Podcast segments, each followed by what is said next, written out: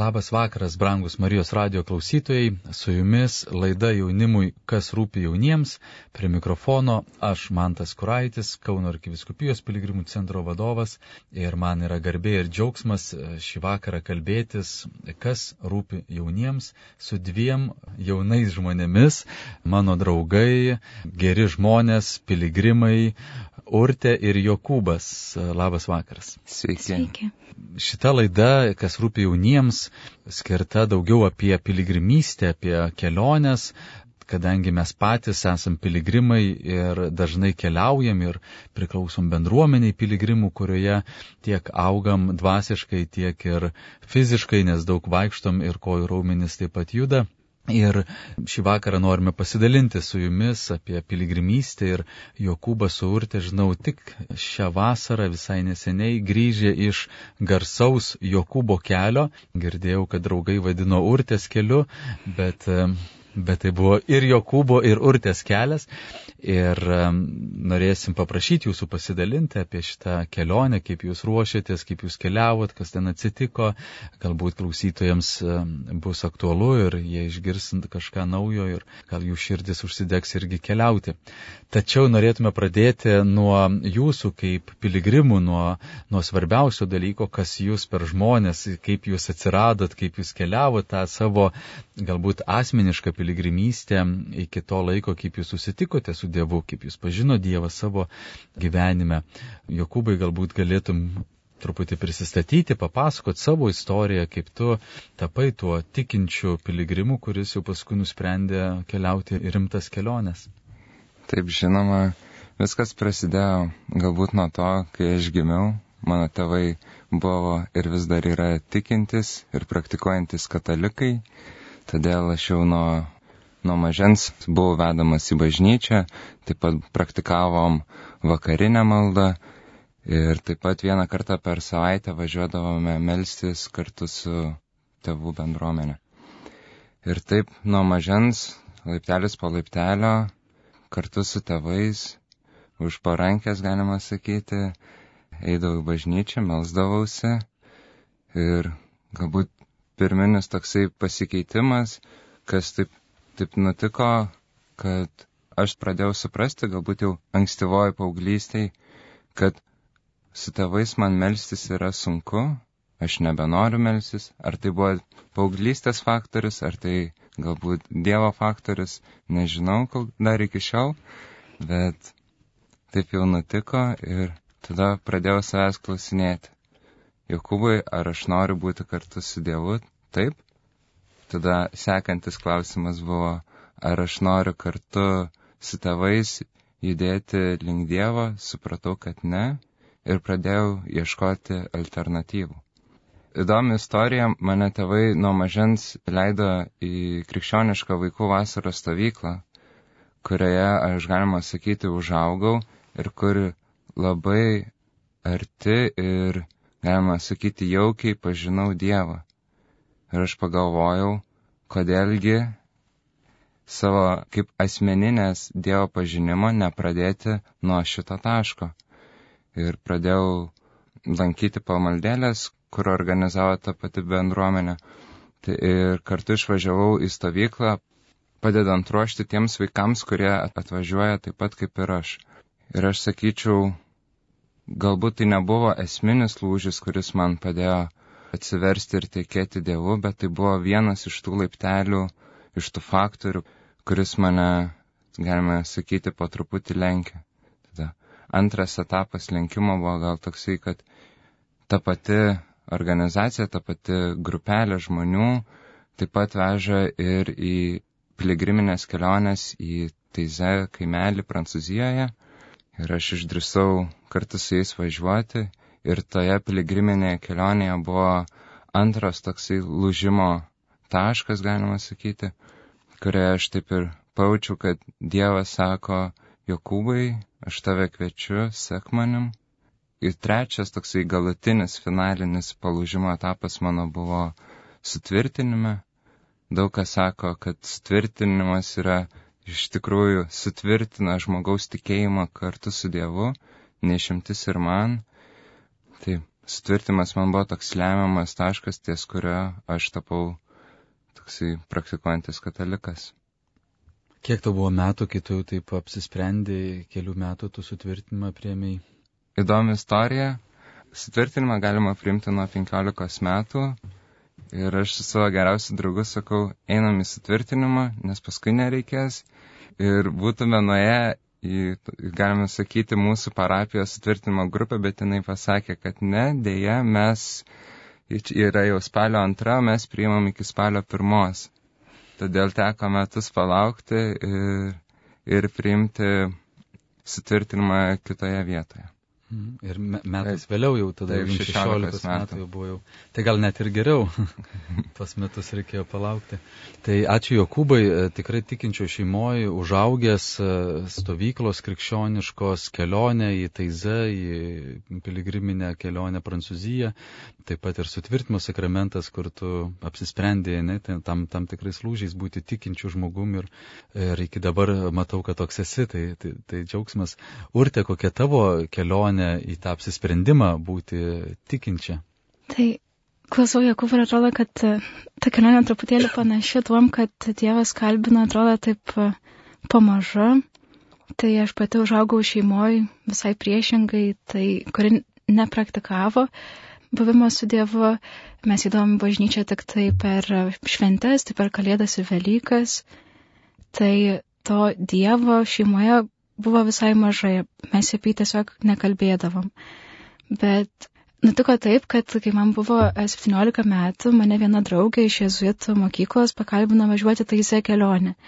Tai vėl tas pats vienuolynas, kuriame lankėsi Jokūbas, pas taisę brolius.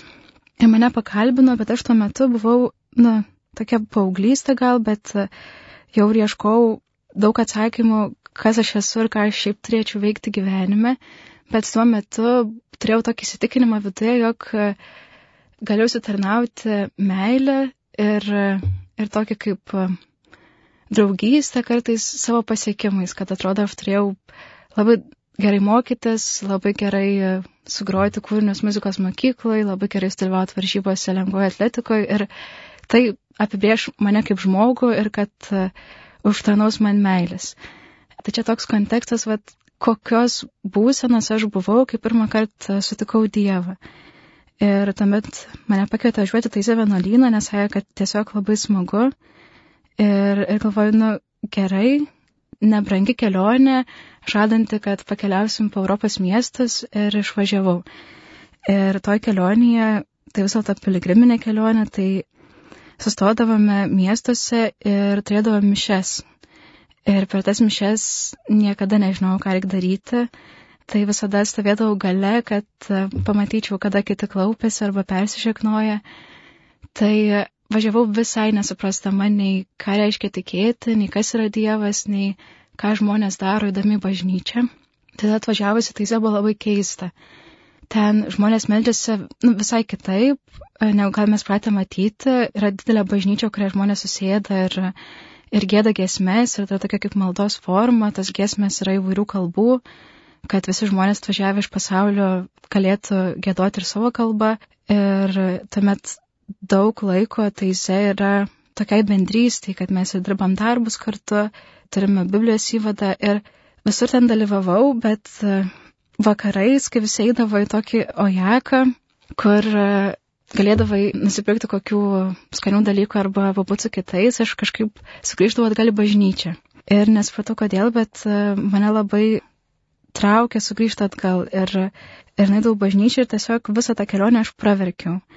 Ir, ir jaučiau, kad kažkam nuo širdį pakeitė, tai buvo ta suvokimas, kuriuo atvažiavau, kad turiu užsitarnauti savo meilę, tai pakeitė į tokį, kad Dievas myli besąlygiškai. Ir, ir nuo to, vat, išvažiavimų taise daug kas pasikeitė širdį, kad pradėjau suvokti, kad neprivalau kažko padaryti, sutarnauti, o mane vat myli. Tai tą meilę visai kitaip pradėjau matyti. Ir tuomet po tos teisė kelionės jau sugrįžau namo, bet buvo 12 klasė ir buvo sunku, sunku kažkaip uh, išeiti iš to tokio ritmo, kuriame buvau, tai galiausiai atgal į piligrimų centrą sugrįžau tik tai kitai vasarai, kai vėl ruošė piligriminę kelionę taise.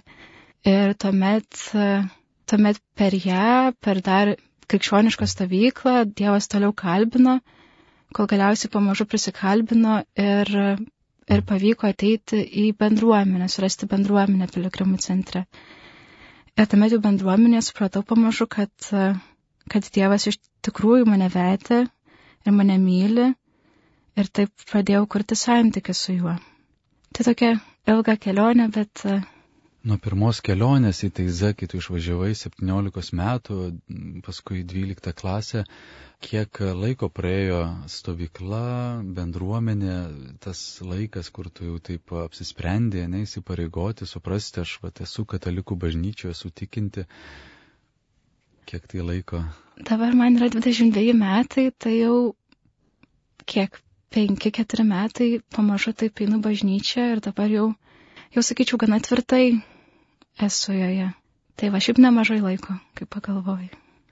Jokūbai, tu, sakai, kai sutvirtimą priemiai, ne, jau tau 16 buvo metų, ką tu paskui, kokie žingsniai buvo tikėjimo kelyje, jau taip kaip apsisprendęs katalikas, tikintis jaunuolis, kaip tau pavyko iki dabar, nežinau, kiek tau dabar metų, kiek, kaip 20. 20 metų, kaip tau pavyko, ne, tos keturis metus žygiuoti tam tikėjimo kelyje, kas padėjo. Vienas dalykas, ką supratau po sutvirtinimo, tai kad žmogus be bendruomenės negali vienas sukurti santykio su Dievu. Ir aš taip pat kaip ir urte pradėjau ieškoti bendruomenės ir nepatikėsit, atradau tą pačią bendruomenę, kuri mane irgi, taip galima sakyti, kartais prilaikė, kartais tikrai padėdavo ir taip tikrai padėjo man toliau kurti santykių su Dievu.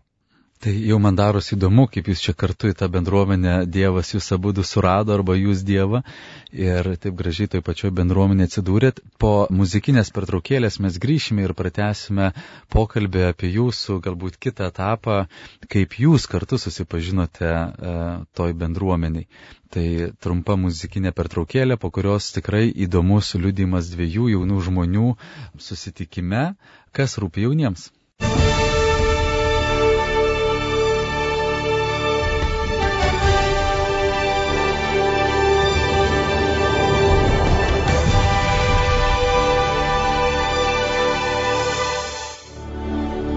Jūs girdite Marijos radiją. Labas vakaras, grįžtam į laidą jaunimui, kas rūpi jauniem. Priminsiu, kad prie mikrofono su aš, Mantas Kuraitis, ir prie mane, šalia manęs yra du nuostabus jauni žmonės, Urti ir Jokūbas.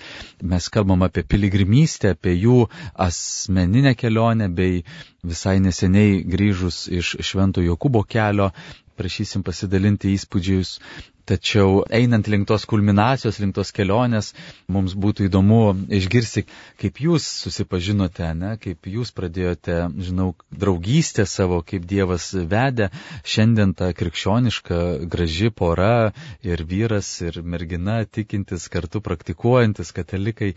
Mums labai smalsu, iš tikrųjų, kaip ta jauna pora čia taip gražiai susipažino piligrimystės kontekste. Tai žinau, kad piligriminių kelionių metu, ne, jūs atradot bendruomenę Jono Paulius antrojo piligrimų ir, ir tenais atėjote ir padėjo jums tą tikėjimą išlaikyti. Bet kaip jūs viens kitą atradot, išduokit paslapti, Jokūbai, gal tu vis tiek kaip vaikinas ėmėsi iniciatyvos, pamatėjai urtę, atkalbėjai, numušiai, pastūmiai kažką, kaip, kaip čia taip gavosi.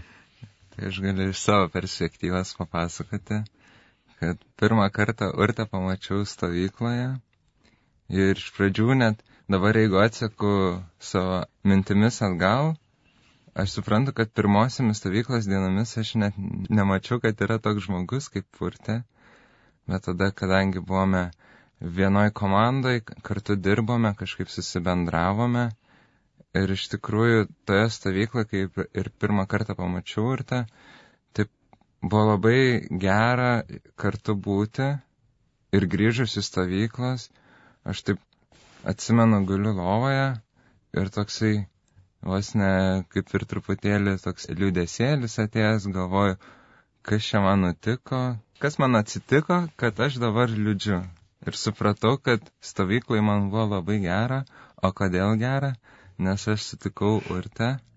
Ir tada aš labai bijojau urtą pakviesti kažkur ar kartu į pasimatymą, šiaip kažkur nueiti, nes tarp mūsų buvo pakankamai tuo metu didelis atrodė metų skirtumas, man buvo, man rodos, 16, o urtai 18. Ir tas metų skirtumas man, galima sakyti, traukia atgal, kad traukia taip, kad mano savivertė, kad sako, kad ne Jokūbai, nors tau ir labai buvo gera, bet tai yra neįmanoma. Tačiau ačiū Dievui, kad mus taip atrodo vėl per bažnyčios veiklą, vėl kartu mes susitikdavome, vėl kartu galėdavome pabūti. Tuo metu vyko popiežiaus vizitas, kuriame mes abu net nesusitarę savanoriavom Taip pat kartu pradėjom į tą patį sutvirtinimą eiti ir galiausiai taip jau atsitiko, kad išvažiavom į Teize žiemos susitikimą, kuris vyko tuo metu Madride. Važiavom atskiromis grupėmis, tačiau, galima sakyti, pačiam žiemos susitikime vėl aš pajaučiu, kad grįžta tas jausmas, kad aš negaliu kitaip, man yra taip gera kartu su urte būti, o be urtės būti yra labai, labai negera. Ir aš toje kelionėje prisipažinau urtei savo jausmus. Paskui daug kalbėjomės, buvome nekartą susitikę, nors ir taip įsirutuliojo, kad susitikimas po susitikimo mes kartu vis dažniau ir dažniau ir susirašydavome ir, ir susitikdavome.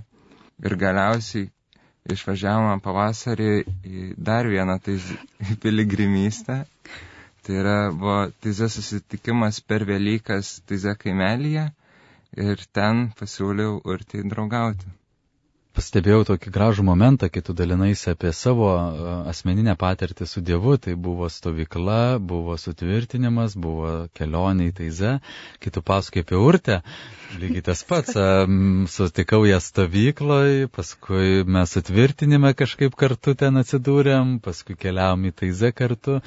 Tai, tai iš tikrųjų labai graži patirtis, kad Dievas ir šalia jis visada yra paruošęs dar, jeigu atrandi Dievą, atrandi dar kažką daugiau. Kaip tas buvo prisipažinimas, urtai, kaip ten tu atskleidai tos jausmus, matau, kad urtai juokas turėtų būti įdomu. O, labai jokinga. Dabar pagalvojus, aš nežinau, iš kur ištraukau, bet aš galvau, kad jeigu jau laikaisi rankomis ir jau eini pasimatymus, tai natūraliai jūs jau ir kaip ir draugaujate. Ir aš... O jūs tuo metu jau, jau buvote... Jo, jau buvom susikabinę rankomis ir man tai buvo natūralu. Tai mes jau kaip ir draugaujam. Ir aš galvau, o kaip gerai. Nieko nereiks kalbėti. kaip vyriška. o pasirodo, kad e, visai. Kad, kad, sakau, tai mes draugavom, o ir tas sako, Ne, tai čia tu kalbė apie prieš pavasario taizę. Taip. Tai čia kaip, ir dar sakiau, kad, kad o gal reikėtų, nu, va, paklausti manęs. O aš galvojau, o kam paklausti, jeigu ir taip jau aišku.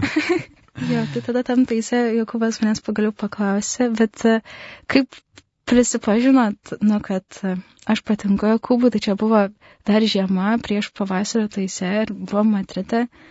Tai tiesiog po naujų metų, pirmą dieną, Jokubas tiesiog parašė žinutę. tai labai šiuolaikiškai. Jaunatviškai, moderniai.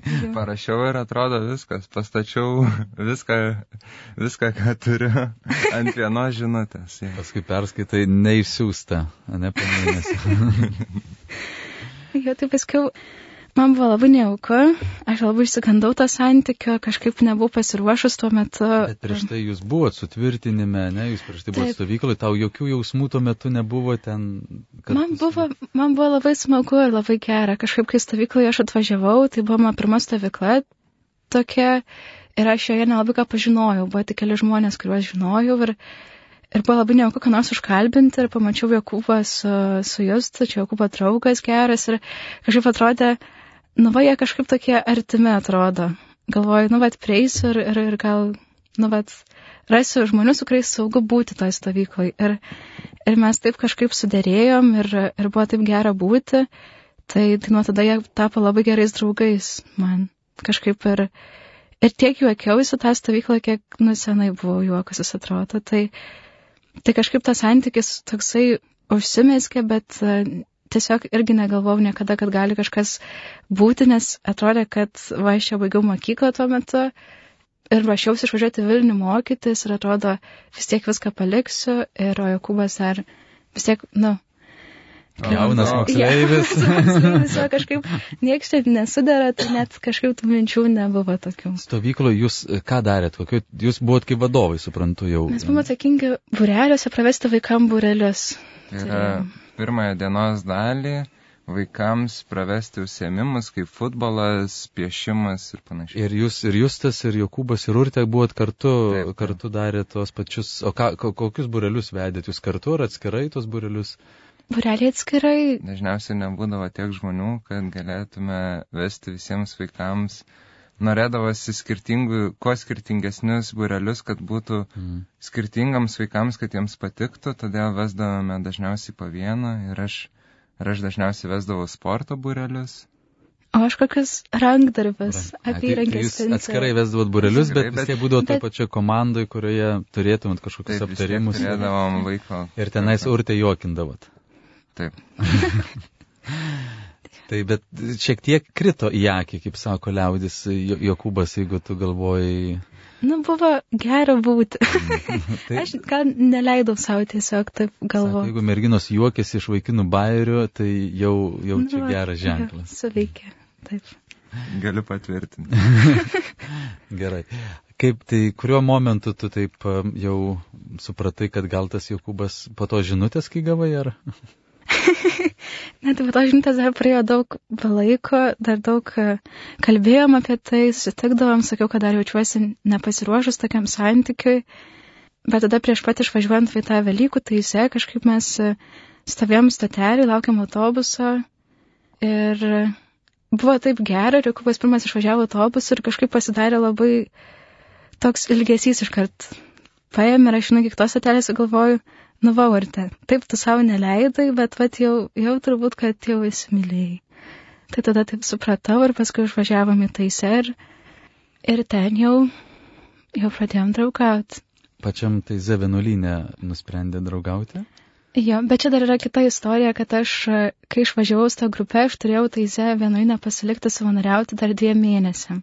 Tai mūsų draugystė prasidėjo, bet jinai ir kaip nenutrūko, bet turėjom du mėnesius būti atskirai. Ir bendravom tada irgi internetu arba rašėm laiškus. Ne pati geriausia praktika pradėti draugauti ir tada... Dviem mėnesiams įskirti.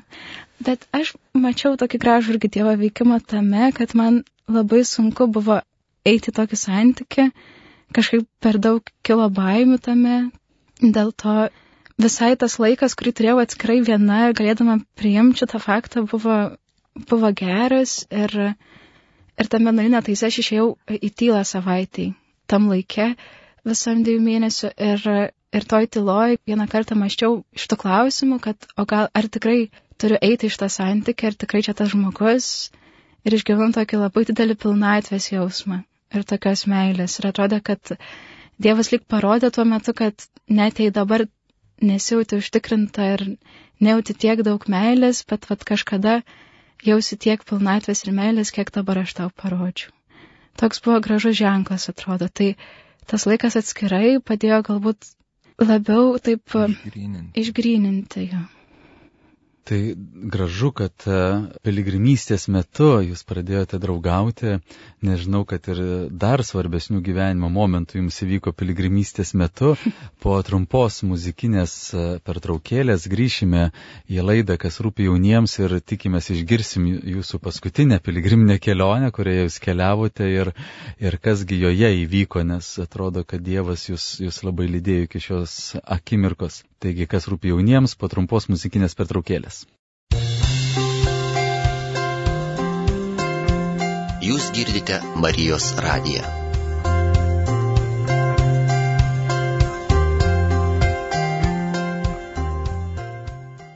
Labas vakaras, dar kartelį kreipiuosi į Marijos radio klausytojus. Šiandien vakaro laidoje jaunimui, kas rūpi jauniems, šalia manęs Urti ir Jokūbas dalinasi savo asmeninę patirtimi, kaip jie keliavo ir sutiko Dievą, paskui kaip jie keliavo ir sutiko vienas kitą, e, nuostabi dviejų jaunų žmonių draugystė kurioje visada buvo Dievas ir lydėjo piligriminės kelionės, e, krikščioniškos stovyklos. Ir štai šitie du jauni žmonės šią vasarą nusprendė keliauti vieną garsiausių piligriminių kelių, tai Švento Jokūbo kelias. Žinau, kad piligrimystė e, turi ne vieną, bet kelis etapus. Tai pradžioje yra tas pasiruošimo etapas, kur žmonės ruošiasi, skaito, galvoja, kraunasi lagaminus, nusprendžia kažkodėl keliauti, iš kažkur išgirsta, dalinasi, kalbasi.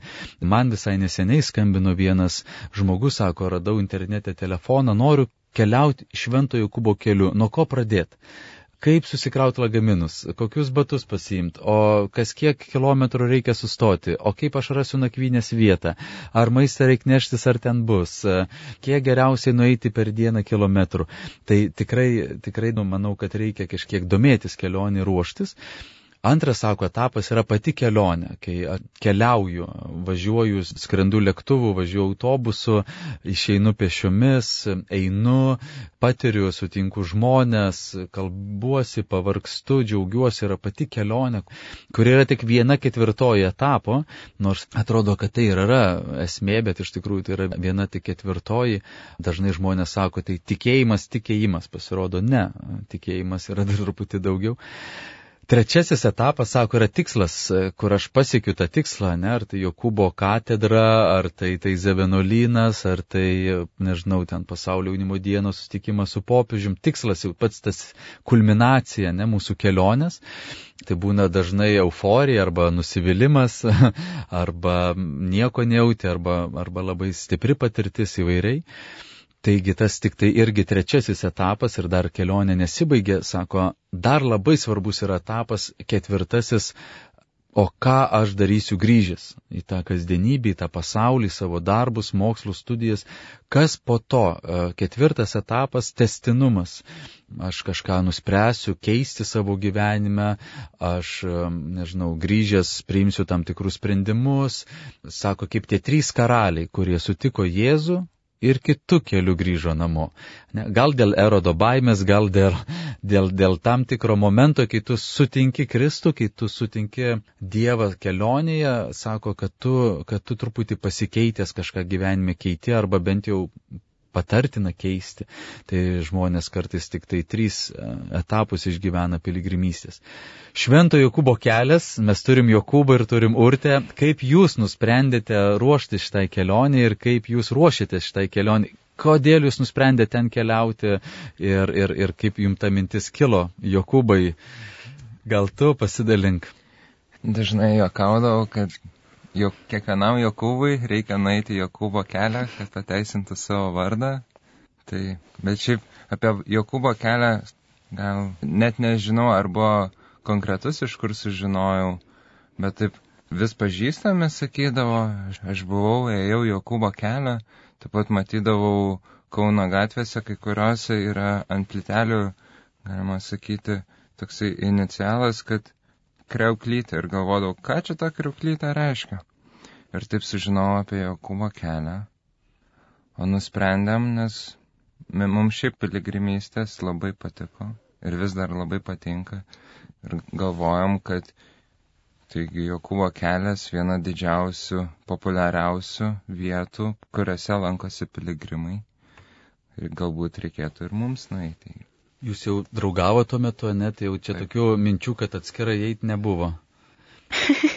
Aš tai turėjau tokią svajonę, kad nu, kai baigiau mokyklą, lab, labai nenorėjau niekur stoti ir galvojau, o kaip būtų smagu, jeigu turėčiau va kokį žmogų, su kuriuo tiesiog išvažiuočiau ir eičiau tą kelią.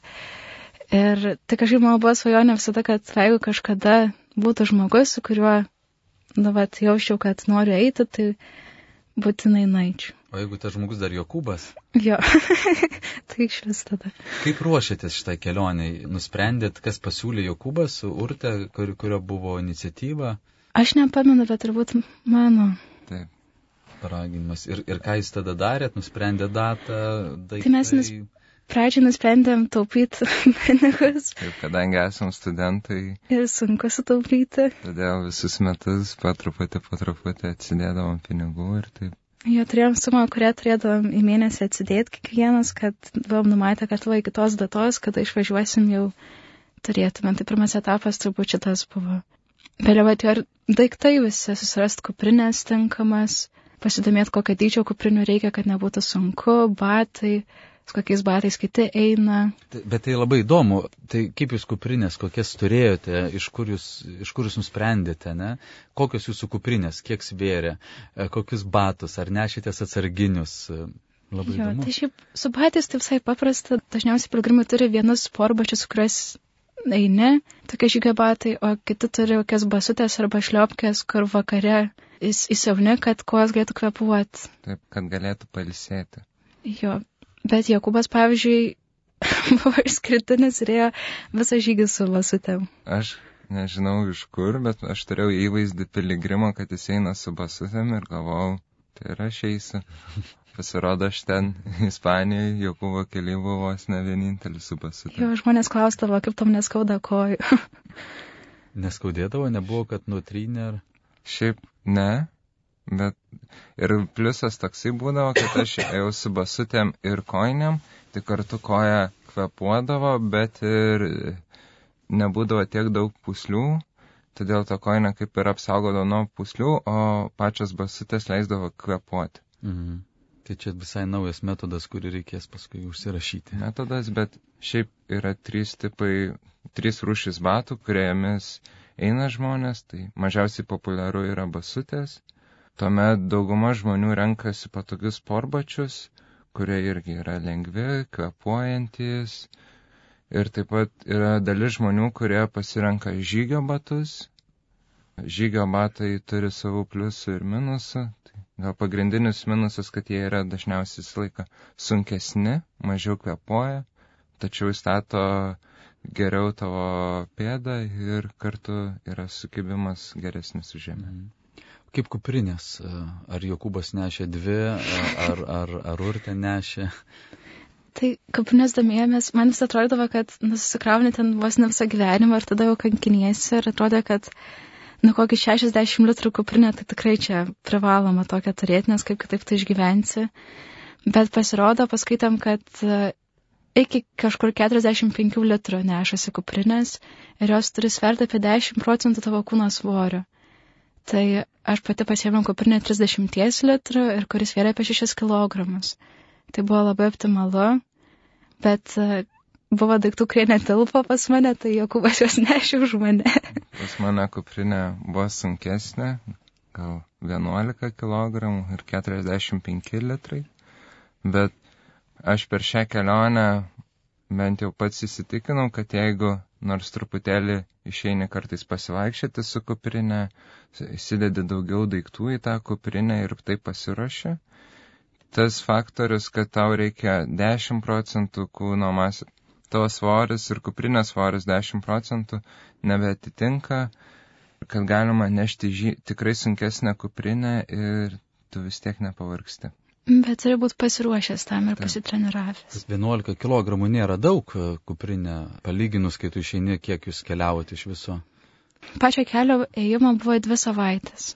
320 km. Jo, bet per- tas, bet tas kelias nebuvo lengvas tom, kad jis buvo kalnuotas, kad mes dažnai lipdom į, į kalną ir nuo kalno. Kuris čia vadinasi oficialiai tas Jokūbo kelias, jūs Ispanijoje, suprantu, pradėjote. Pradėjom Ispanijoje, o viedo mieste tokiam, o pats kelias vadinosi Kamino Primitivo.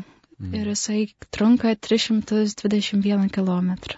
Kontekstas, kad yra Jokūbo kelias nėra vienintelis kelias, tai yra dažniausiai tikslas yra Santiago de Compostelo miestas, kuriame yra Santiago bažnyčia ir į tą miestą yra labai daug kelių Tai vienas iš jų yra Kamino primityvo. Mm, tai jūs jį ir pasirinkot.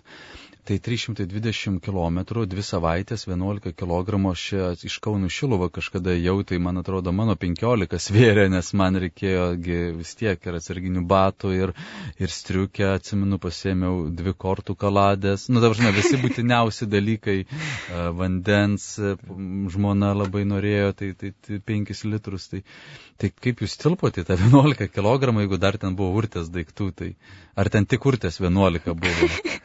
Ne, tai mes labai sumažinom, kad, tarkim, iš viso bendrai Ispanijai buvom tris savaitės ir pasiėmiau tris maikės. Čia man buvo toks didžiausias iššūkis, kur labiausiai galvau, nu, urte, kaip tu išgyvensi su trim maikėm dabar. Bet daugiau ir nereikėjo. Tu kiekvienam piligrimų namuose yra skalbimo mašina. Turėjom tokį kelioninį skalbimo maišą, kurį gavom nusipirkti kelionių reikmenų parduotuvį ir tiesiog skalbė rūbus, skalbė džiaunį ir Tai kiek per dieną nueidavot, vat, apie piligrimų namus pasakėte, kas, kas kiek e, kilometrų yra, rekomenduotina, kaip jūs ėjote, ar iš tikrųjų ten girdėjau legendą, kad turi būti nedaugiau 25 km, ar, ar tai teisybė? Šiaip vidutiniškai ir eidavom gal panašiai apie 25 km. Tu dažniausiai renkiesi, kiek eisi kilometrų pagal tai, kurioje vietoje tu dabar esi ir kiek tau reikia eiti iki iki miesto, kuriame būtų piligrimų namai. Tai buvo dienų, kada ėjom ir 18 km, buvo dienų, kada ėjom ir 42 km, tai nes tiesiog nebuvo nakvynės. Tai, bet vidutiniškai 25 km, kas atrodo nedaug planavimo procese, bet kai pradedi eiti kiekvieną dieną ir kalnuotą vietovę, mums lietuviams labai buvo planavimo etape sunku įsivaizduoti, kas yra tie kalnai. Tai iš tikrųjų, ispanai sakydavo, čia tik kalvelės, mums atrodė tai kaip kalnai. Taip. Ir nakvynės užsakinėdavot e, iš anksto, ar ten ateini ir visada, jūs ėjot vasarą, kaip suprantu, vasara yra tas sezonas, ne? Ispanijoje daug atostogauja, visi keliauja. Kiek tų piligrimų maždaug skaičiais jūs sutikot e, vasaros metu ir, ir kaip tie piligrimų namai, ar jūs juos gaudavot, užsakinėdavot? Tai mes jiem rūpjūti, rūpjūtis e, yra pats populiariausias mėnesis ir patys ispanai turi atostogas tuo metu ir jiem visiems yra priimtina tiesiog gauni atostogas ir eini Jokūbo kelią, nesvarbu kurią jo dalį.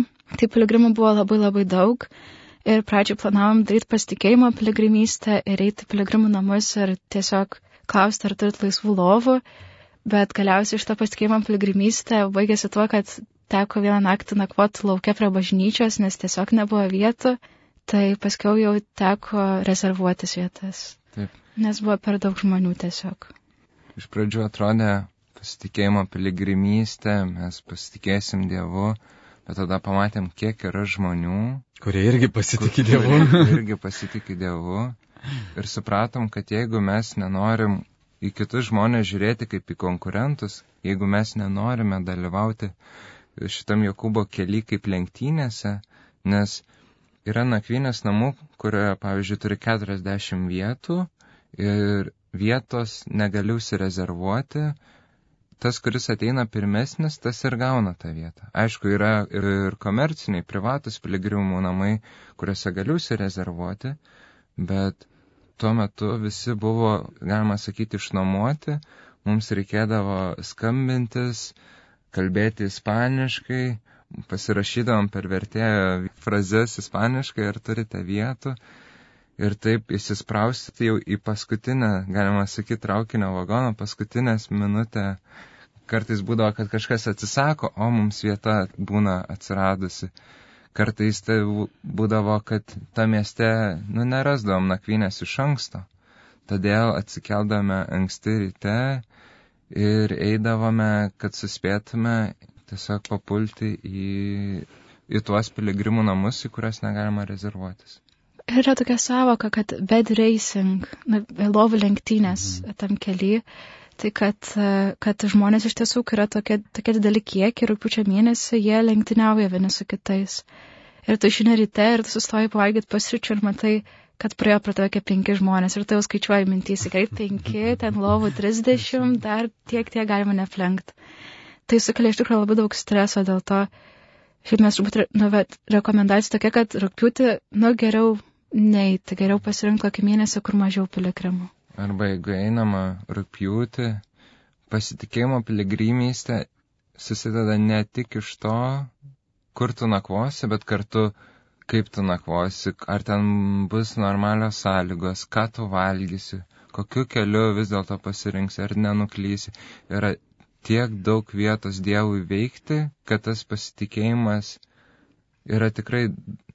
Jau kartais atrodo, tą, jau geriau susiplanuoti tą nakvynę ir ten jau nebepasitikėti, nu taip, tiesiog susiplanuoti. Ir Bet, mažiau išgyventi tame streso to. Taip, ir kartu tu vis tiek Dievui duodi veikti, sakau, nes rūpiučio mėnesį, kuomet visiems yra atostogos, yra piligrimų namai nėra pasiruošę tiek priimti žmonių. Mhm Tai mūsų rekomendacija yra, jeigu... Pasirinkti kitą mėnesį. Arba kitą mėnesį. Arba iš anksto rezervuotis ja. ir dievų leisti veikti ir per kitus būdus. Tai didžiausios patirtis galbūt e, jūsų pirmą kartą jūs įjote Jokūbo kelią dviese, sutikote žmonių, kokia jūsų ta patirtis, nežinau, ar tai dvasinė patirtis, ar nežmogiška patirtis, vis tiek tai piligrimystė. Tai Dievas, kaip sakot, įvairiais būdais veikia. Kokie jūsų tie didžiausi gal išgyvenimai, nesunkiausi, nebūtinai tai, tai, tai gražu gražus. Aš galiu pasidalinti gal ką pati asmeniškai vat išgyvenau. Tai kad vat mes buvo diena, kada neturėjom rezervavę lovos niekur miegoti ir žinojom, kad reikia suspėti ateiti, nu kuo greičiau, kad, žodžiu, kiti neplenktų mūsų ir išėjom labai anksti ryte ir ėjom lab, labai gražus vaizdai, einam ir ten kalnai, teka saulė, nes dar nebuvo prašvita, kai išėjom ir, ir aš nešu širdį tokį, nu, va, tokį nerimą, stresą, kad, nu, vat, ar spėsim, ar spėsim. Ir einu ir vis mes įsipainiojom į tokius varatinklius. Toks kelias ir ten aplink augalai ir varatinkliai. Ir vis vienas varatinklis, kitas varatinklis. Nu, ten jau tiek daug buvo ir aš jau pradėjau nervintis. Tai kaip čia tų varatinklių tiek daug? Ir toks net susnerizinimas, toks piktas. Ir tada staiga atėjo mintis, kad kad pala, tai jeigu čia tie varatinkliai, reiškia, čia niekas dar neėjo pro čia. O ten kalnai realiai yra vienas takelis ir žmonės negalėjo per aplinką peiti. Reiškia, mes einam pirmi, net nėra, kad kažkas prieki mūsų eitų. Ir tada taip iškart tas nerimas taip dingo ir tokius lik, įsivaizdavau tokius lik žodžius, kad Dievas tik sakytų, kad, nu va, urtelė, kad aš viskuo pasirūpinau, juk kodėl tu nervuojasi. Tai, tai kažkaip išgyvenau tą dieną, kad Dievas iš tiesų viskuo pasirūpina Ir tik aš esu va tas žmogus, kuris nusprendžia kartais nepasitikėti.